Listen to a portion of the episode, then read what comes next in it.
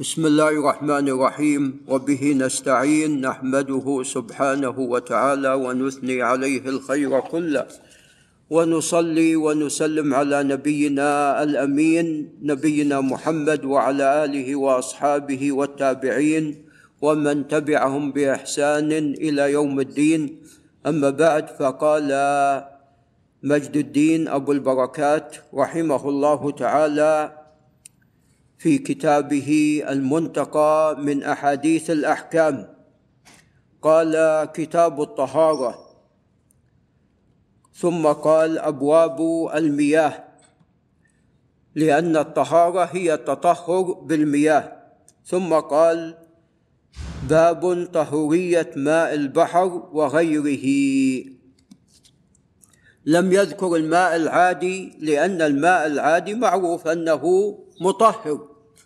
وإنما ذكر المياه التي تختلف عن المياه العادية فبدأ بماء البحر.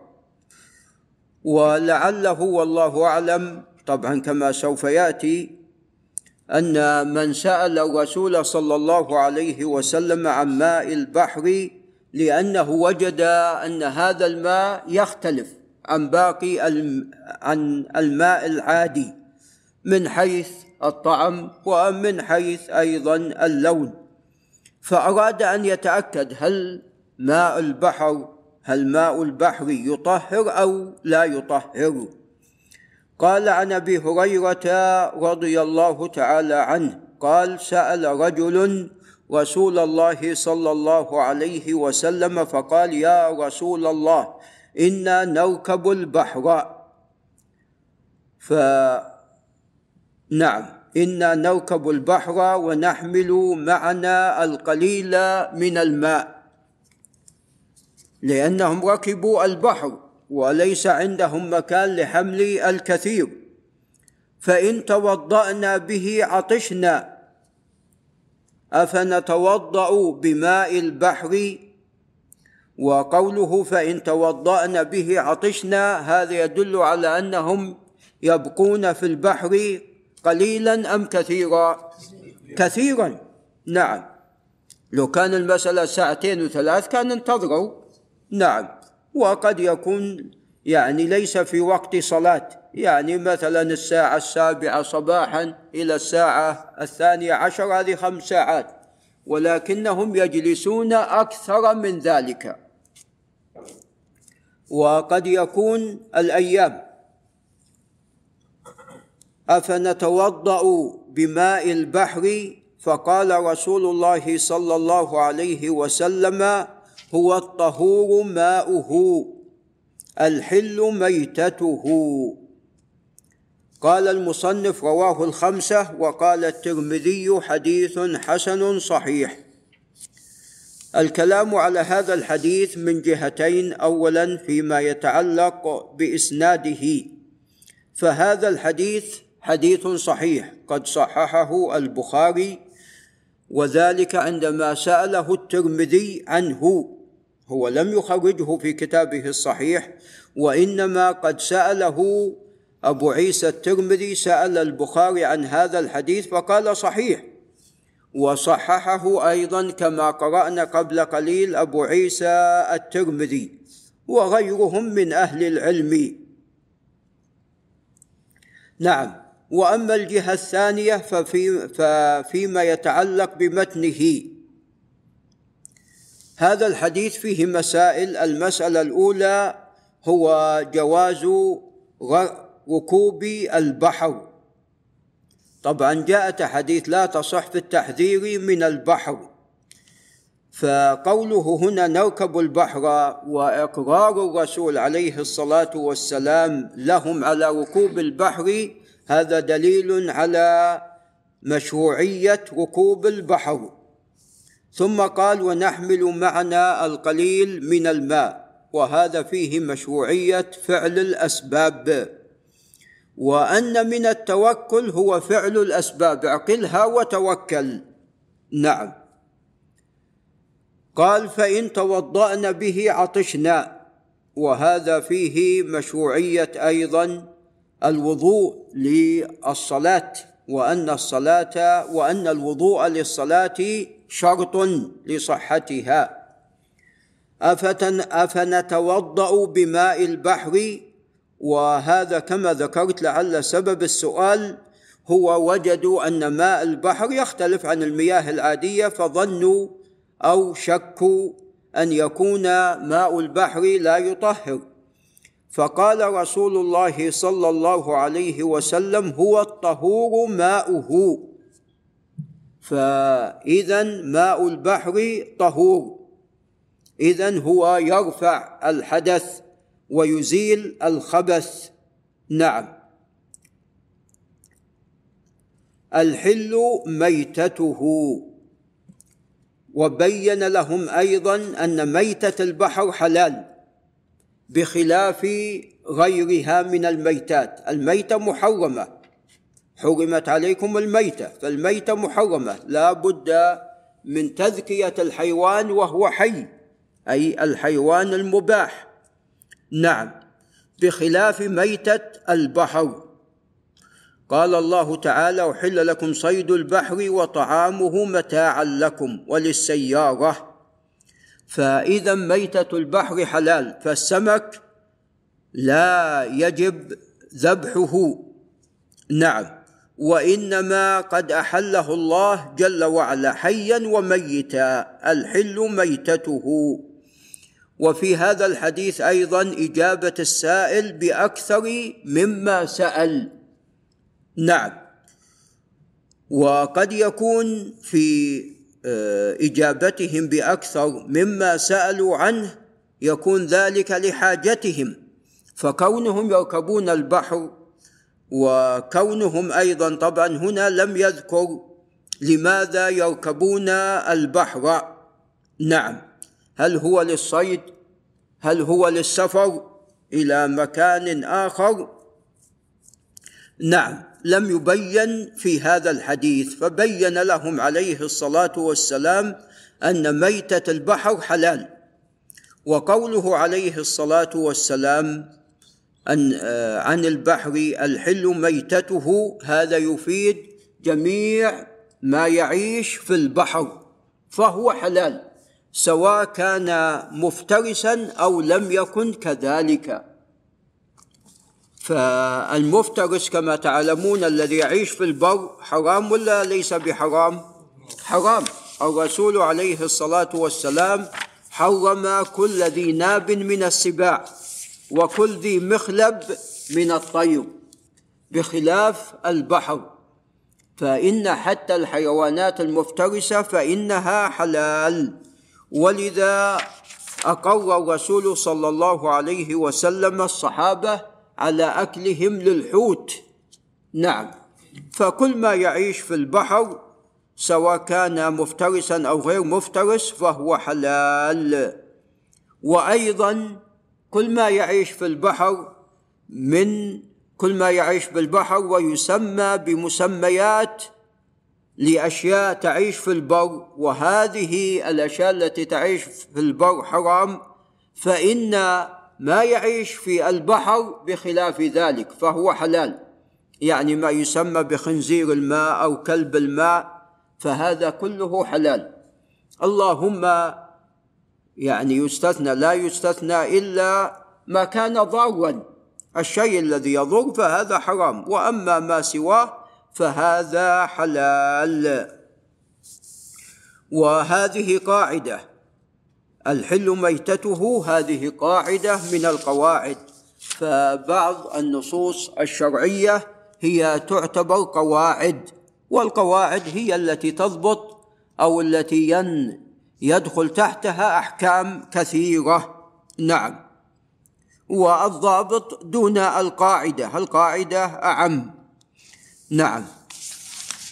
ثم قال وعن أنس بن مالك رضي الله تعالى عنه قال رأيت رسول الله صلى الله عليه وسلم وحانت صلاة العصر فالتمس الناس الوضوء. الوضوء بالفتح هو الماء وبالضم هو ما هو الفعل. نعم هو الفعل. وقيل بالعكس وقيل يقال الوضوء والوضوء. فلم يجدوا وحان وقت الصلاة فأتي رسول الله صلى الله عليه وسلم بوضوء أي بماء.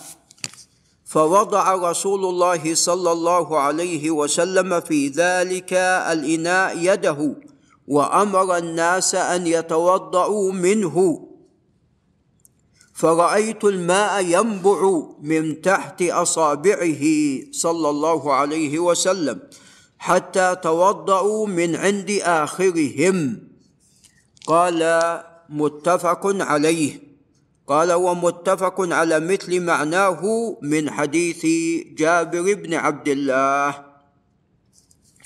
نعم اذا هذا الحديث حديث صحيح وذلك أنه قد خرجه الشيخان. وفي هذا الحديث علامة من علامات نبوة رسول الله صلى الله عليه وسلم وهو نبع الماء من تحت أصابعه عليه الصلاة والسلام. وقد تكرر ذلك عدة مرات تكرر ذلك عدة مرات وأن الماء نبع من تحت أصابعه حتى توضأ العدد الكبير من هذا الماء.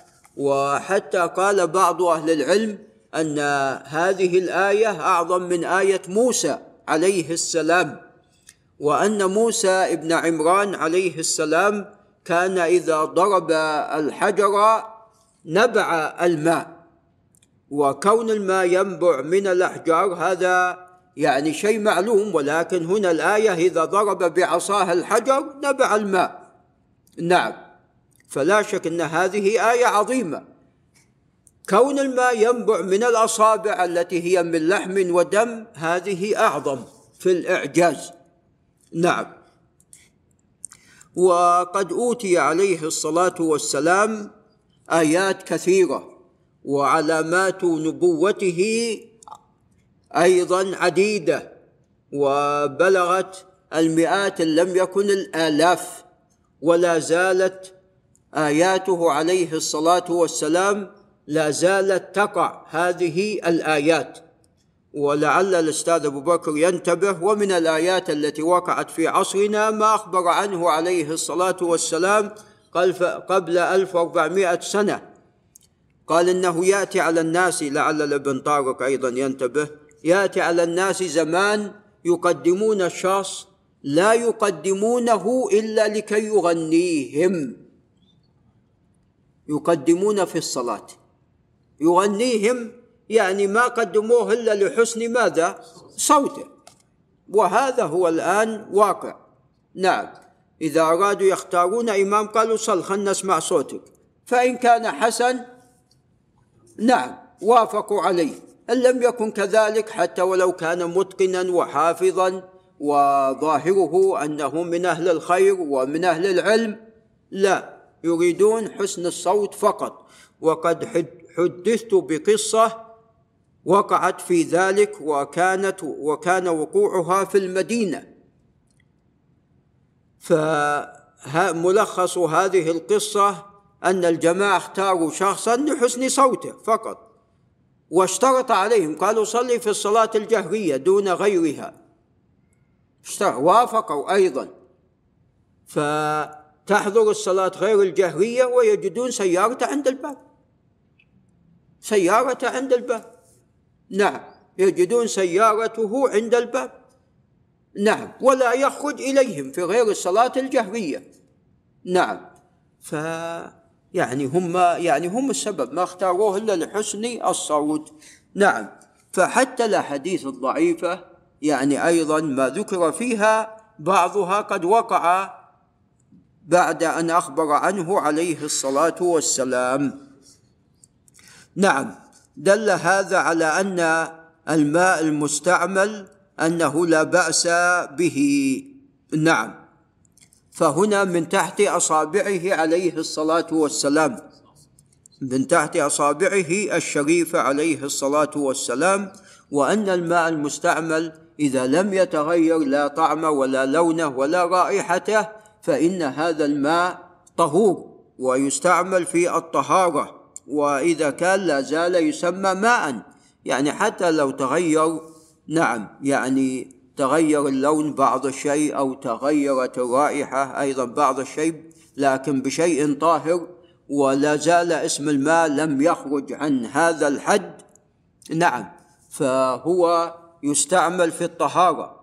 نعم وأضرب مثلا لو أتيت بماء ووضعت فيه أوراق الشاي ثم وضعته تحت النار بعد مدة سوف يكون شاي. فهذا لا يستعمل. هذا لا يستعمل في الطهارة. هذا لا يقال ماء خرج عن اسم عن حد اسم الماء. نعم هذا لا لا يقال ماء وإنما هذا شاي. نعم. قال وفيه تنبيه أنه لا بأس برفع الحدث من ماء زمزم لأن قصاراه أنه ماء شريف مستشفى متبرك به والماء الذي وضع رسول الله صلى الله عليه وسلم يده فيه بهذه المثابة. نعم هذا قياس الحق ماء بماء. نعم. الماء زمزم ماء شريف ماء مبارك. نعم. وقد اختلف أهل العلم في رفع الحدث به. نعم. وذلك يقولون أن العباس قال إني لا أحله لمتوضئ أو يريد أو من يريد أن يرفع النجاسة وإنما لشارب فهو حل وبل. نعم. فهو حل وبل. هذا للشارب. وأما للمتوضئ فمنع من ذلك. وهذا في الماء. طبعا آل عبد المطلب كانوا هم أهل السقيا. نعم. واستمرت السقاية فيهم. نعم إلى ما شاء الله عز وجل. فكانوا يجهزون الماء لمن أراد أن يشرب أن يشرب من الناس ومن الحجاج ومن المعتمرين ومن الزائرين فلو كل واحد بيتوضا ماذا؟ نعم قد ينتهي هذا الماء ويشق عليهم. نعم. آه نعم. مل الأحواض؟ نعم فقال ذلك. نعم. وإلا فهو مشروع الوضوء به. هذا الماء المبارك مثل هذا الماء هو الماء الذي نبع من تحت أصابعه عليه الصلاة والسلام. فهذا ماء مبارك لأنه نبع من تحت أصابعه الشريفة عليه الصلاة والسلام. اذا كلاهما ماء شريف فكلاهما مشروع ماذا؟ الوضوء به. بما أن الماء الذي نبع من تحت أصابعه الشريفة عليه الصلاة والسلام توضأ الصحابة به فأيضا ماء زمزم. قال وقد جاء عن علي في حديث له قال فيه ثم أفاض رسول الله صلى الله عليه وسلم فدعا بسجل من ماء زمزم فشرب منه وتوضأ. رواه أحمد بل رواه عبد الله ابن الإمام أحمد في زوائده على المسند وإسناده حسن لا بأس به. ولعل نقف عند هنا. هذا وبالله تعالى التوفيق.